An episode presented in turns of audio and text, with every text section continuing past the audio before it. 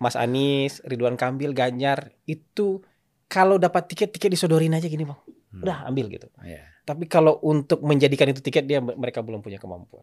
Hmm. Dia masih bukan pemain, masih orang yang dimainkan. Kata-katanya apa bang? Kalau orang dimainkan tuh. Ya, kalau bahasa Indonesianya wayang, kalau bahasa Indonesia yang lain tuh boneka. Iya. Bahasa di luar negerinya puppet bang. Jadi belum pemainnya itu, belum pemain utama bang. Iya.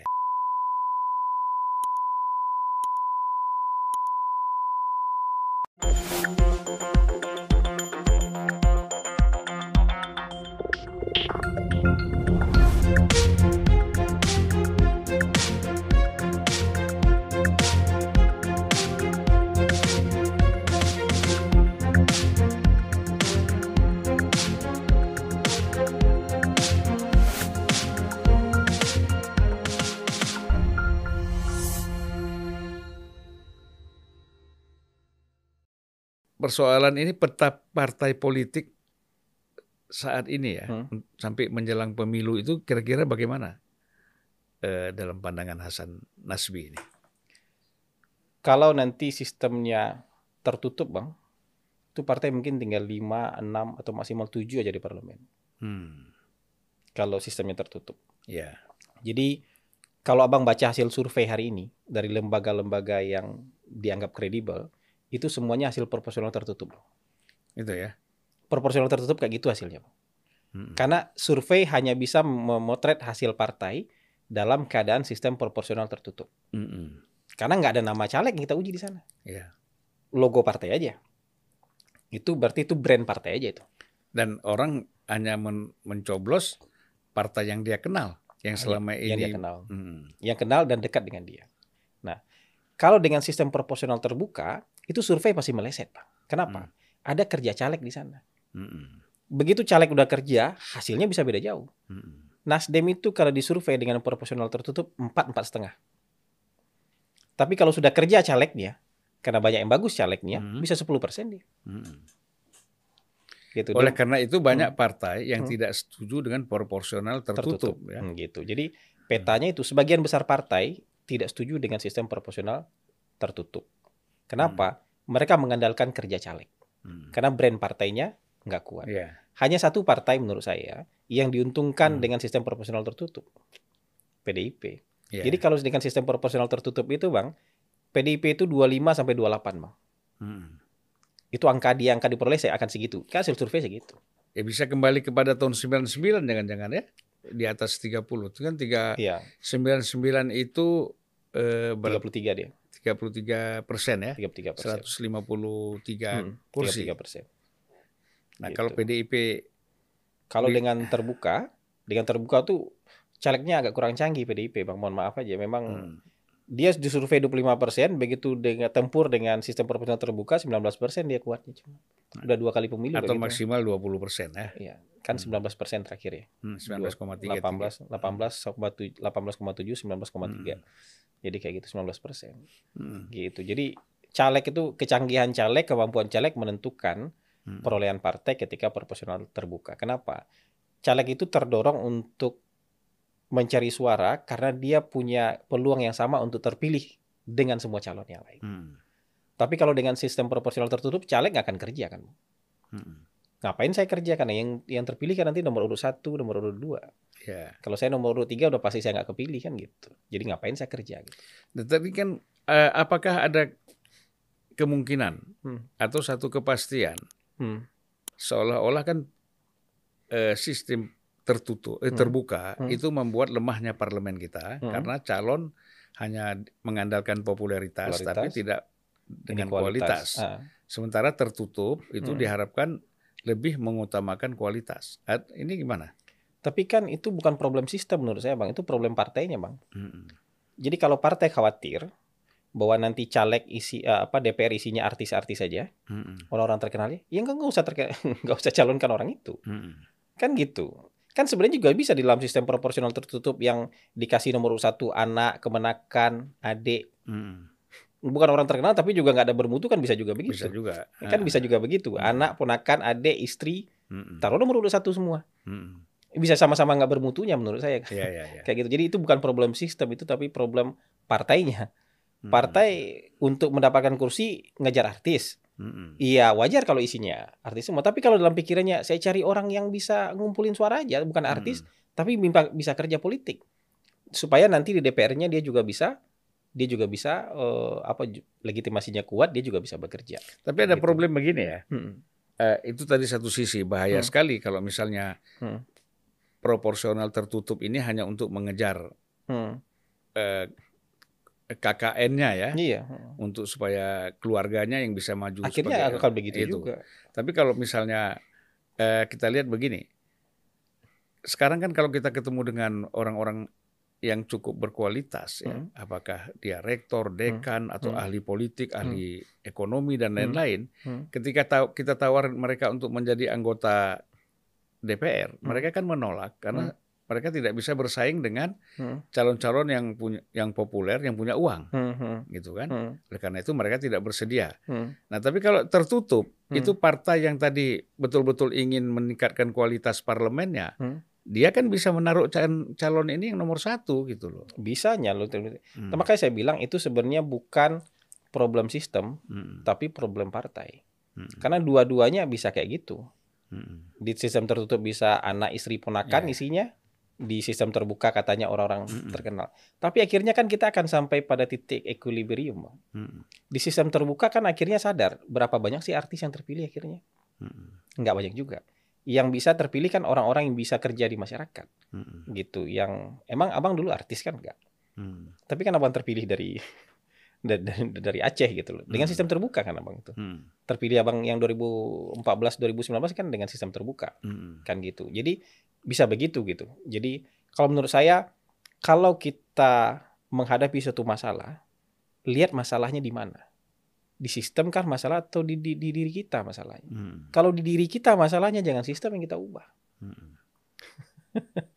Jadi menurut saya itu masalah di internal partai. Kalau mau nggak mau artis yang terpilih nggak jangan usah calonkan artisnya. Iya. Calonkan orang yang bermutu dong. Misalnya begini, calonkan aja rektornya. Iya. Suruh aja tempur. Kalau nggak jadi nggak apa-apa, tapi tempur dulu lah. Siapa tahu kan jadi. Iya. Kan begitu. Dan biayai. Atau biayai. Hmm. Masalahnya kan gini juga. Kadang-kadang kita berhadapan dengan orang yang kita anggap berkualitas, bermutu, tapi nggak mau ngurus masyarakat, bang. Hmm. Nggak mau ngurus masyarakat. Iya kalau gitu jangan taruh di parlemen gitu. Kita taruh di eksekutif lah orang-orang kayak gitu. Hmm. Dia nggak mau berbaur dengan masyarakat, kita taruh di eksekutif aja. Iya, iya. Dia nggak mau bermasyarakat, nggak nggak mau merajut akar rumput, ya jangan taruh di parlemen, kita taruh di Ya, eksekutif tidak aja. siap gitu. juga menghadapi Enggak. permainan intrik politik yang ada di dalam partai ya. Iya kayak gitu. Bagi seorang Karena di DPR kan nggak gampang bang. Iya. Kita berhadapan dengan 580 orang yang punya ide semua juga. Hmm. gitu. Kita punya ide nggak langsung jalan, beda dengan eksekutif gitu. Ya buat saya sih kayak gitu. Kalau anda nggak siap untuk bertempur itu ngerasakan kalahkan kalah aja, Hmm. gitu ya udah nggak usah jadi anggota parlemen. Karena menurut saya anggota parlemen itu memang harus siap itu, siap dia bermasyarakat, siap juga di parlemen bertempur bang. Hmm. Ya, jadi kalau kita kembali kepada persoalan capres Hmm. ya, berapa pasang calon yang ideal ini menurut Menurut saya tiga bang. tiga ya? Menurut saya tiga. Kasih kesempatan lah tiga partai terbesar ini Hmm. mencalonkan calonnya. Jadi kita punya pilihan lebih dari dua. Hmm. Ya, belajarlah kita punya pilihan beberapa kan, Hmm. tiga gitu. Kalau empat juga nggak apa-apa sih menurut saya. Tapi Hmm. kalau empat ini, ya itu beratnya di sana. Yang calon keempat ini susah, susah calon keempat. Ya, ini. jadi agak apa? Kalau ada empat calon nampaknya Hmm, kurang pas juga ya. kurang pas ya. Hmm. Sebenarnya tapi kalau misalnya partai yang dominan tuh, partai yang cukup besar itu ada empat, empat Hmm. calon menurut saya nggak apa-apa. Hmm. Menurut saya nggak apa-apa. Jadi kalau gini bang, diskusi yang paling menarik itu kalau diskusi imajiner ya. Hmm. Partai Demokrat ingin pasti ingin power sharing berdasarkan hasil pemilu 2024. Hmm. Kenapa? Karena 2024 dia yakin di atas Nasdem suaranya. Hmm. Sementara Nasdem pasti pengen power sharingnya berdasarkan hasil tahun 2019. kan. Hmm. Kenapa? Tahun 2019 saya, dia lebih besar kan gitu. Hmm. Jadi diskusi soal itu aja itu susah. Itu buat saya. Tapi kalau Golkar Hmm. dia harapan sama PAN, PAN udah tahu aja dia nggak mungkin ngalahin Golkar 2024 juga nggak akan ng- ngalahin Golkar. gitu. PKB sama Gerindra tuh PKB udah tahu 2024 nggak mungkin dia ngalahin Gerindra. Hmm. Jadi udah mau dibagi berdasarkan tahun 2019 oke, tahun 2024 2024 oke. Jadi capres itu tiga. Hmm. Tiga menurut saya menurut saya hanya tiga partai yang punya kemampuan untuk mengajukan capres. Ya Gitu. berarti kan kita kalau kita bilang tadi tiga, Hmm. kalau seandainya PKS, Nasdem dan Hmm. eh, Demokrat tidak mau bergabung kepada tiga ini, Hmm. Kan wajib bang, wajib Hah? ngajuin capres bang. ya makanya harus bergabung ya. Harus bergabung. Bergabung. wajib bang. Jadi menurut saya open lah. Hmm. Maksudnya kan partai-partai ini yang kurang fleksibel tuh cuma PDIP, Bang. Yang kurang mampu untuk berkomunikasi, berdialog dengan dengan apa ya namanya? Dengan duduk sama rendah tinggi apa berdiri sama tinggi itu cuma PDIP. Gitu.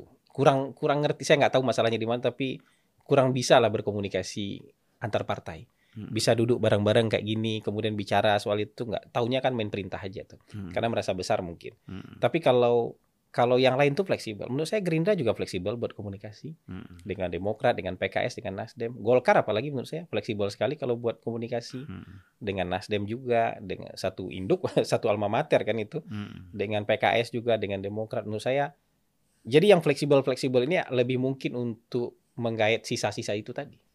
Partai-partai sisa-sisa itu tadi gitu. Yang paling fleksibel dan paling mampu merangkul itu. Gitu. Waduh, enak juga ini kalau tiga partai itu dibilang pasar sisa ya. Ya menurut saya iya fair aja kalau di politik kita bilang itu ini bang. Iya, ini iya, kan ya yang di tengah-tengah kan nggak mungkin jadi ketua lah bang. Mm-mm. Susah lah itu bang. Nah kalau kita lihat salah satu hasil survei mengatakan Hmm. eh, yang bisa mengambil suara Anies ini adalah Ridwan Kamil Mm-mm. ya. Jadi eh, suara Anies itu bisa diambil oleh Ridwan, Kamil. Oh. Nah, nah kira-kira peluang Ridwan Kamil ini kalau kita bicara tiga apa tadi tiga apa istilahnya tadi Tiga ketua kelas. tiga ketua kelas ini Nah, Ridwan Kamil bisa calon. masuk nggak ya? Kalau kita ngelihat sejauh ini dari simulasi beberapa survei, bahkan ketika nama Ridwan Hmm. Kamil dimasukkan misalnya, dia memang bisa, tapi kan nggak sedominan misalnya tiga calon yang lain. Jadi misalnya begini, kalau tiga calon ini bang, sebenarnya memang kalau saya melihat Pak Prabowo yang paling besar peluangnya. Hmm. Jadi kalau misalnya second round, dua putaran ini, Pak Prabowo pasti selalu masuk putaran kedua. Hmm. Pak Prabowo pasti selalu masuk putaran kedua. Dan di putaran kedua dia menang head to head. Hmm. Jadi pendukungnya Anies itu sebagian besar nggak rela untuk mendukung Ganjar Hmm. di putaran kedua. Pilihannya adalah antara mereka abstain atau mereka mengusung eh mendukung Pak Prabowo. Begitu juga pendukung Ganjar. Hmm. Kalau Ganjar nggak masuk putaran kedua, kita simulasikan Ganjar nggak masuk putaran kedua nih, dia nggak rela dukung Anies, bang. Hmm. Pendukung Ganjar nggak rela dukung Anies. Dia lebih mungkin kalau nggak di abstain, dia mendukung Pak Prabowo. Jadi yang paling diuntungkan di sisanya ini memang Pak Prabowo. Kan pertanyaannya itu aja sebenarnya sekarang. Jadi bisa sampai 50% apa enggak? Ini Gitu. kembali lagi saya ingat ketika kita masih eh, pilpres itu melalui parlemen ya. Hmm, Nah itu kan kita lihat itu poros tengah tuh. eh, eh, jadi ada ada swing voter ya. Ini swing voters. Nah, di situ kan ada swingnya. ah, swingnya swing. itu kan PKB. Makanya Gus Dur menang lawan Megawati Iya. Karena eh, kelompok apa dulu yang poros tengah namanya poros tengah Iya. ya Irama Suka. Iya, Rama Ya. suka. Nah, poros tengah itu kan ke Gus Dur. Ya, Kemudian yang nasionalis ke Mega. Megawati. Tapi swing voternya kan PKB. PKB yang Makanya bisa. di Hmm. situ. Iya. Di situlah Amin Rais tidak berani maju sebagai capres. Iya. Ya, kemudian eh, eh, siapa lagi? Yusril. Yusril. Kalau Yusril berani tapi dia mundur ya. Iya. Tapi kan sebenarnya prioritas pertama Pak Habibie itu kan Amin Rais. Hmm. Tapi Amin Rais sudah baca. Hmm, Dia nggak bisa kendalikan swing voter ini pasti Iya. kalah gitu. Iya.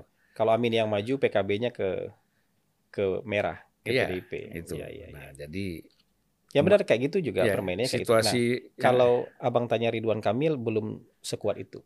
Hmm. Belum sekuat itu. Dan kalau Ridwan Kamil jadi capres, kemampuan untuk menyatukan partai-partai itu kan juga Hmm.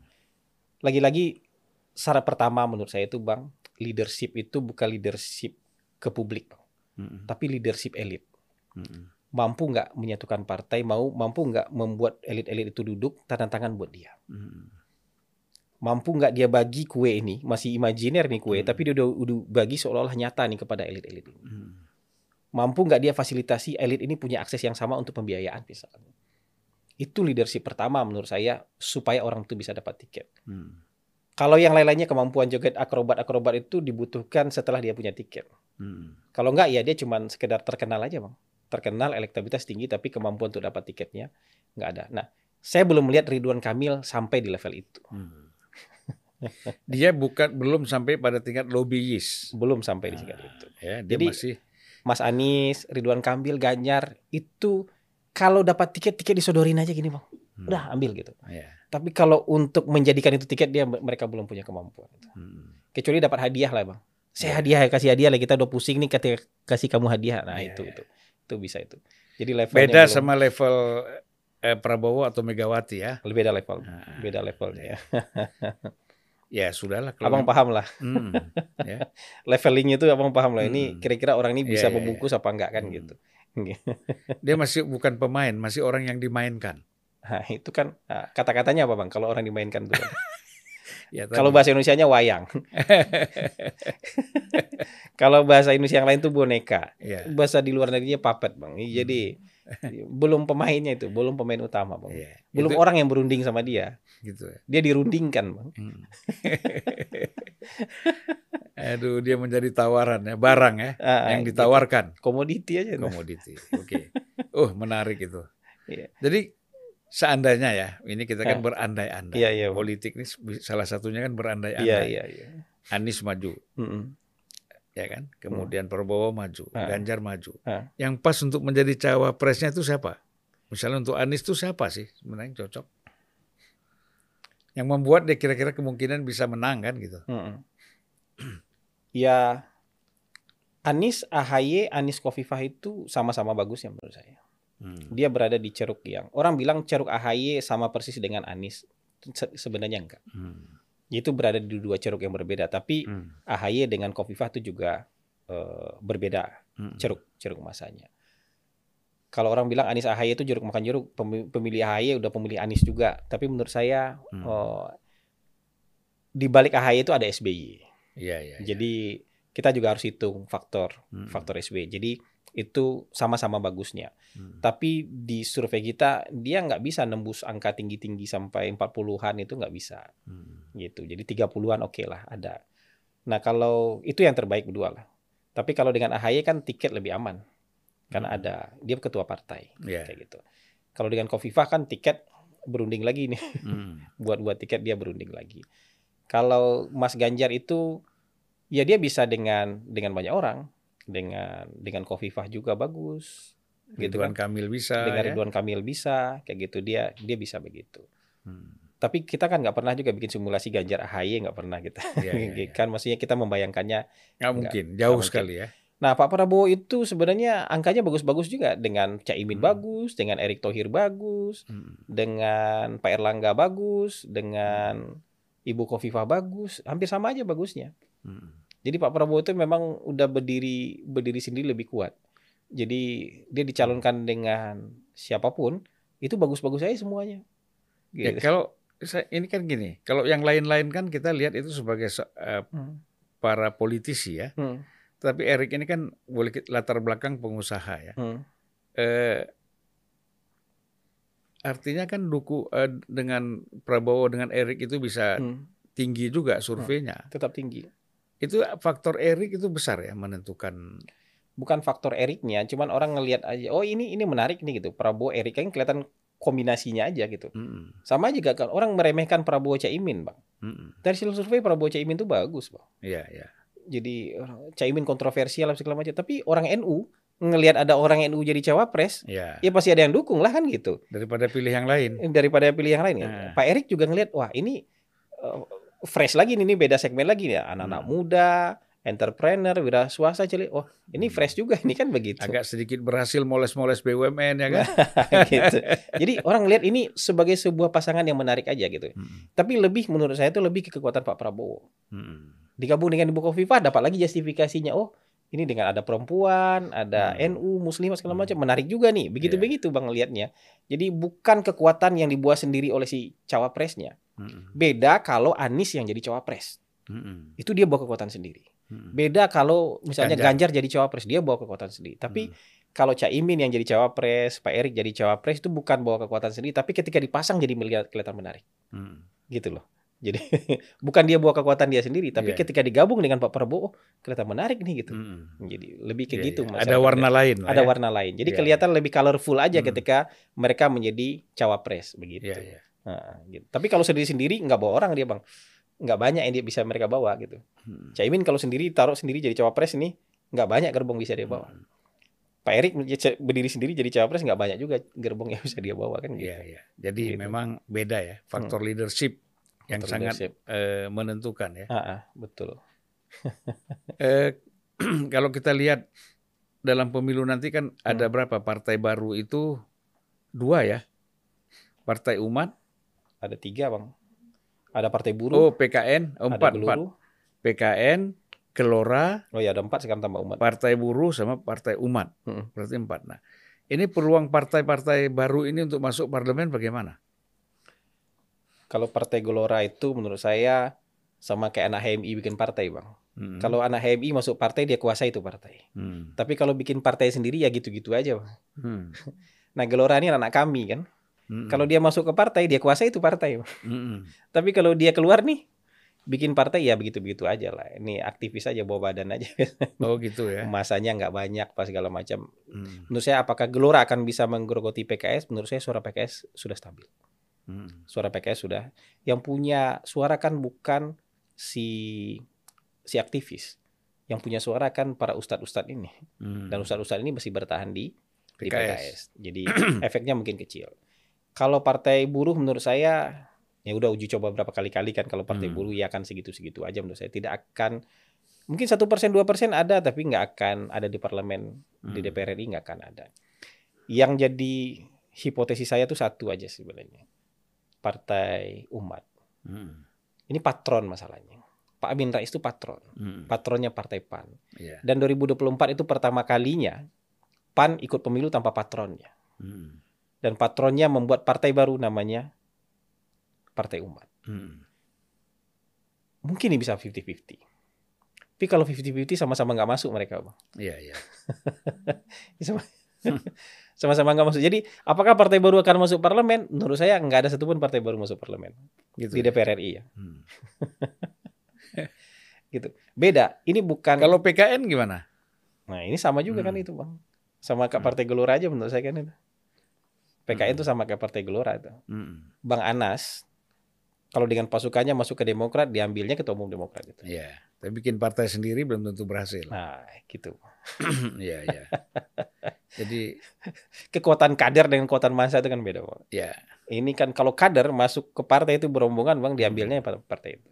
Bang Akbar di Golkar diambilnya ketua umum partai itu. Hmm. Tapi Bang Akbar keluar di partai bikin sendiri itu belum tentu tuh. Jadi Begitu juga kalau kita lihat pengalaman orang-orang yang buat partai di Ya. luar PDIP ya. di luar PDIP Nah. begitu. Jadi habis semua, hilang semua. Iya, iya. Jadi menurut Sebagai perbedaan itu. sebagai figur individual itu bagus, Hmm. tetapi untuk meng- membangun sebuah organisasi, Itu apalagi organisasi partai politik, ya itu memang eh, berbeda. Itu kejadian juga dengan di dunia profesional, Bang. Hmm. Teman-teman saya yang jadi CEO CEO perusahaan asing itu, Bang, ketika keluar bikin bisnis sendiri, bisnisnya nggak jalan. Hmm. Tapi ketika jadi CEO sukses, Bang. Ya, Kayaknya dia jalankan uang orang, Bang. Organisasi orang dia mimpin. Dia datang Hmm. tuh udah udah mimpin gitu. Jadi CEO hebat-hebat. Hmm. Tapi kita selesai jadi CEO dia bikin bisnis, bikin peternakan aja nggak sukses, Bang. Levelnya udah CEO tuh, bikin peternakan aja nggak sukses. Hmm. Levelnya udah CEO bikin ternak lele aja nggak sukses, gitu. banyak orang juga kerja di televisi, Ah, ya Keluar. sukses, ah. tapi begitu bikin podcast gagal. Ya. Ah, iya, bisa juga begitu. bisa bisa begitu. Jadi ada seni yang berbeda dari saya iya. lihat. Jadi Kalau saya mudah-mudahan jangan di- didoakan gagal lah. Ya kan? sukses lah bang. Abang baru Iya. berapa bulan sudah hampir 50 ribu tuh. Ya. Yang penting tekun itu tuh. tuh. Insya Allah. Aduh, insya. Allah. Kalau kita kan tujuannya bagaimana ini bisa silaturahim, Ya. bisa sharing ide, ah, bisa melakukan satu pendidikan politik. Hmm. Itu kan tujuan kita membuat podcast ini. Iya. Gitu. Iya. Eh, kemudian kita melihat ini ada isu yang mulai ramai lagi Hmm. soal penundaan pemilu. Iya. Nah, ini bagaimana? Pemilu kita pasti nggak sih? Ya justru pemilu kita akhirnya nggak pasti gara-gara itu. Gara-gara isu itu nggak pernah tutup buku. Dan saya yakin bulan Februari, bulan Maret ini percobaan terakhir untuk penundaan pemilu atau ya percobaan terakhir untuk penundaan pemilu. Artinya apa eh, penundaan untuk men- mengu- melihat apakah pemilu ini bisa, Bisa berlanjut atau tidak. Bisa ditunda atau tidak? Oh. Kalau mis- menurut saya tuh keinginan untuk menunda itu besar sekali. Mm-mm. Ya mungkin kalau ke publik kan ada bahasa-bahasa yang diperhalus lah. Tapi Mm-mm. kalau kita duduk-duduk ngopi-ngopi itu kan kelihatan Mm-mm. sekali lah. Agenda-agenda untuk ke sana itu Mm-mm. kelihatan sekali. Bahkan saya mendengar 26 Februari ini akan ada deklarasi itu. Kepala desa-kepala desa mau tunda, Mm. mau mendukung penundaan pemilu. Jadi Mm-mm. buat saya usaha ini masih ada. Usaha ini masih ada. Nah, selama us- usaha ini masih ada, tentu ada ketidakpastian untuk pemilu tahun 2024. Nah, sekarang kita lihat ya, kira-kira apa sih tujuan penundaan pemilu ini? Kalau tujuan tujuan untuk bahan komunikasinya bisa apa saja, bisa kita menghadapi resesi lah, Mm-mm. bisa ada pembangunan-pembangunan yang masih harus dilanjutkan lah, Mm-mm. bisa karena kita Mm-mm. sekarang kebetulan dipimpin oleh pemimpin yang baik sehingga harus dilanjutkan lah. Iya, iya. Itu kan alasan-alasan yang dibuat ke publik. Iya. Tapi kalau menurut saya kan ya ini kan menimpa hampir semua orang yang mau turun, Bang. Mm-mm. Yang mau berakhir masa jabatannya, Bang.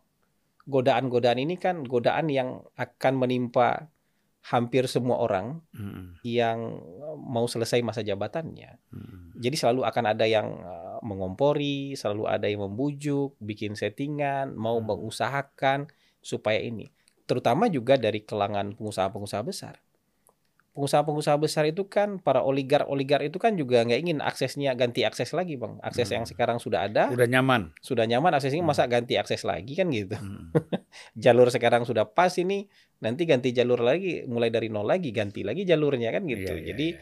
yang menurut saya itu banyak pihak yang punya keinginan untuk itu. ganti broker-broker lagi. Ganti broker lagi, ganti apa. Jadi menurut saya ini tuh apa? Tapi ini Ya. tuh too much. Mm. Ini tuh sudah eh, melampaui sesuatu Hmm. yang dianggap wajar lah. Kalau kita sudah bersepakat eh, kita sistemnya demokrasi, Mm. pemilu regulernya sekali lima tahun, Mm. kemudian apa? Kemudian masa jabatan maksimal itu dua periode sudah itu. Mm. Karena kalau itu coba diotak-atik, Mm. takutnya kan yang bergejolak ini bukan cuma Hmm. elit nanti. Di tingkat bawahnya gimana? Mm. Kan pemilu itu pesta masyarakat, Bang. Mm. Pesta seluruh rakyat, Bang. Iya, iya. Daya beli kita naik semua loh, Bang. Nggak Hmm. cuma konsultan politik yang daya belinya naik, Bang. Tapi seluruh masyarakat tuh naik daya belinya Dan kita belum pernah pemilu. ada historis Mm-mm. bahwa kita tunda pemilu kan? Kita mempercepat pernah. Kalau Iya. tunda zaman Orde Baru aja, Bang. Tahun 71 kan tuh ditunda itu, Bang. Tahun 77 ditunda juga itu, Bang. Ya. Mm. Ada histori penundaan itu ada. Hmm. Cuman kan kalau zaman-zaman itu mungkin zaman masih bergolak, Bang. Ya, Sekarang kan zaman itu nggak bergolak. karena periode 66 ya Iya, kan? iya, zaman masih 65, bergolak. 66, Iya. Ekonomi juga benar pada Hmm. faktanya ekonomi nggak bagus Hmm. pada waktu itu. Kita Tapi akhirnya pemilu 71 geser 73 ya. Pemilu yang harusnya 69 kan jadi 71, Mm-mm. yang harusnya 76 jadi 77. Mm-mm. Kan 71 ke 7 5 tahun kan harusnya jadi 7. Iya, iya, Enam, iya, 76 iya, pindah iya, jadi 77. parlemennya 78 terbentuk. Parlemennya 78 terbentuk. Jadi Hmm. menurut saya kalau sekarang kan nggak ada nggak ada alasan untuk itu. Mm-mm. Benar-benar nggak ada alasan untuk itu menurut saya. Jadi Mm-mm. lebih kepada eh, Kekhawatiran. memperpanjang aja bang ingin memperpanjang kekuasaan aja itu manusiawi Iya. memperpanjang kekuasaan itu tapi Hmm. manusiawi juga orang-orang yang lain nggak mau itu gitu Mm-mm. karena kan kita butuh pergantian kekuasaan kita butuh sirkulasi elit gitu jadi kalau supaya supaya ini suksesinya berjalan damai terus itu jangan diotak-atik lagi karena kalau itu diotak-atik lagi menurut saya nanti kita bisa balik ke zaman yang lebih buruk daripada yang kita bayangkan misalnya gini Iya. chaos misalnya. Walaupun misalnya ada yang bisa datang ke Pak Jokowi, Pak kita ajak jamin aman Pak, kita jamin ini. Hmm. Enggak lah begitu ada hal fundamental, hal prinsipil yang diotak-atik itu ancaman chaos itu besar. Begitu Iya. ada ancaman chaos besar, kita diambil alih oleh orang bersenjata. Pak. Dan Gitu. semua kekalahan itu selalu atas dasar keyakinan. Nah itu. Ah, Iya kan? Gitu. Yakin menang tahu-tahu kalah. Sama orang baik yang ahli bawa mobil kan, Mm. dia yakin nggak Ngebut ketabrak, dia. Ah, ngebut dia, Ngebut dia nabrak tabrakan. akhirnya. Jadi itulah. Jadi Kehati-hatian tuh ya, penting. kegagalan itu lebih banyak dari Hmm. eh, Jadi ketika sudah sampai di proses ini, kemampuan untuk menahan diri, mm, untuk tidak melampaui batas itu di atas segalanya. ya, Karena kalau kita ngerasa semuanya ah bisa kita terabas nih, bisa kita jinakkan semua, bisa kita kondisikan semua. Begitu chaos kita diambil alih oleh orang yang bersenjata. Ya. Itu udah hukum alam aja. Begitu keadaan tidak normal apalagi ada kepentingan asing masuk di Nah, itu dalamnya, lebih lebih lebih, lagi, parah lagi. lebih lebih lagi gitu. Jadi menurut saya jangan membuka sebuah kotak yang ketika dibuka tuh isinya gas Ya. metan semua, Bang. Kalau kata nenek saya, nauzubillah min zalik. Nah, itu udah benar itu, Bang. Ah, jangan sampai terjadi itu. ya. Jangan sampai terjadi itu. Kita berlindung supaya itu tidak terjadi Ya. itu. Oke, nah harapan harapan untuk pemilu 2024 apa kira-kira? Yang saya berharap itu ini, saya berharap diurungkan niat untuk menunda pemilu. Negara kita dalam keadaan baik, iya pasti banyak cobaan lah. Global juga banyak cobaan, tapi kondisi negara kita baik, jadi jalankan pemilu itu sesuai waktunya. Pemilu ini kan menjamin supaya tidak ada kudeta, menjamin supaya orang tidak diturunkan dengan cara yang tidak baik. Jadi pemilu ini menjamin transisi kekuasaan dengan cara baik-baik. Jadi cara yang baik-baik yang kita tempuh. Nah, itu itu harapan saya. Harapan yang kedua juga apa penyelenggara pemilu itu bisa berubah wataknya daripada pemilu-pemilu sebelumnya. mm. Kan orang selalu banyak kecurigaan nih. Curigaan begini, kecurigaan begitu, kecurigaan. Ini belum apa-apa kemarin sudah ada sudah ada kecurigaan nih, Mm, upaya untuk meloloskan partai tertentu lah. mm, Ini kepercayaan terhadap penyelenggara pemilu juga penting. Iya, iya. Karena kalau kepercayaan terhadap penyelenggara pemilu nggak ada, ini apa pun hasilnya nanti juga Mm. eh, terbengkalai lagi nih, nggak legitimate lagi. Nah ini ini kan Iya, iya. repotnya nanti ya kalau kayak gitu. Tapi bukankah nggak legitimate itu sudah sering terjadi Iya. dan gitu. berjalan terus kan? Iya berjalan terus, tapi kan Hmm. kita perlu naik level bang, perlu Ya. naik level kita ini, gitu. Jadi biasanya nggak legitimate itu di ujung aja bang. Ini di pangkal udah nggak legitimate bang. Mm, Jadi kalau yang kayak gitu-gitu tuh khawatirkan lah. iya. Saya khawatir negara diambil. Orang bilang, wah ini sekarang tentara udah bisa di, dikuasai kok. Jangan pernah bicara begitu. iya, iya. Nggak Ya. sesederhana itulah. Nggak sesederhana itu. Karena gini, saya lihat baik tentara, Hmm. TNI ya, Hmm. ataupun polisi itu Hmm. selalu melihat dari segi konstitusional. Ya. Ya kalau ada gerakan Hmm. yang melakukan sebuah gerakan, Hmm. eh, itu gerakan itu menuju untuk eh, melawan konstitusi. melawan inkonstitusional, maka polisi dan tentara itu akan Iya nggak bisa Gitu. mereka kalau nggak gitu. kita kan ambil contoh Gus Dur ya. Iya. Gus Dur ketika itu ingin dekrit bubarkan Iya. DPR misalnya. Semua berdiri di sini. Iya. sekarang. Walaupun terus terang orang mencintai Gus Dur kan. Hmm. Walaupun publik mencintai Gus, Iya. kayak gitu. Pilihannya begitu. Pilihannya begitu. Baik Bung Hasan, luar Sama-sama, biasa ya. Saya terima kasih banyak loh. Aduh, saya juga terima kasih kita lama nggak bertemu ya, tapi ternyata rumah kita berdekatan, nah, tapi karena tidak saling kenal, Iya iya. Ya. Eh, sehingga kita jarang jarang bersua. Iya iya kan. Makasih eh, atas kehadirannya di Unpacking Indonesia. ah. Insya Allah bisa jumpa lagi, kita Ah. bisa ngobrol-ngobrol lagi lebih panjang. Iya bang. Insya Allah. dengan tema yang sama atau tema yang berbeda ya. Kalau tema itu bisa sama terus Bisa sama selama terus. sebelum pemilu Iya. tapi isinya yang berbeda. Jawabannya bisa beda-beda. Terima kasih Bung Hasan. Assalamualaikum warahmatullahi wabarakatuh. Waalaikumsalam warahmatullahi wabarakatuh.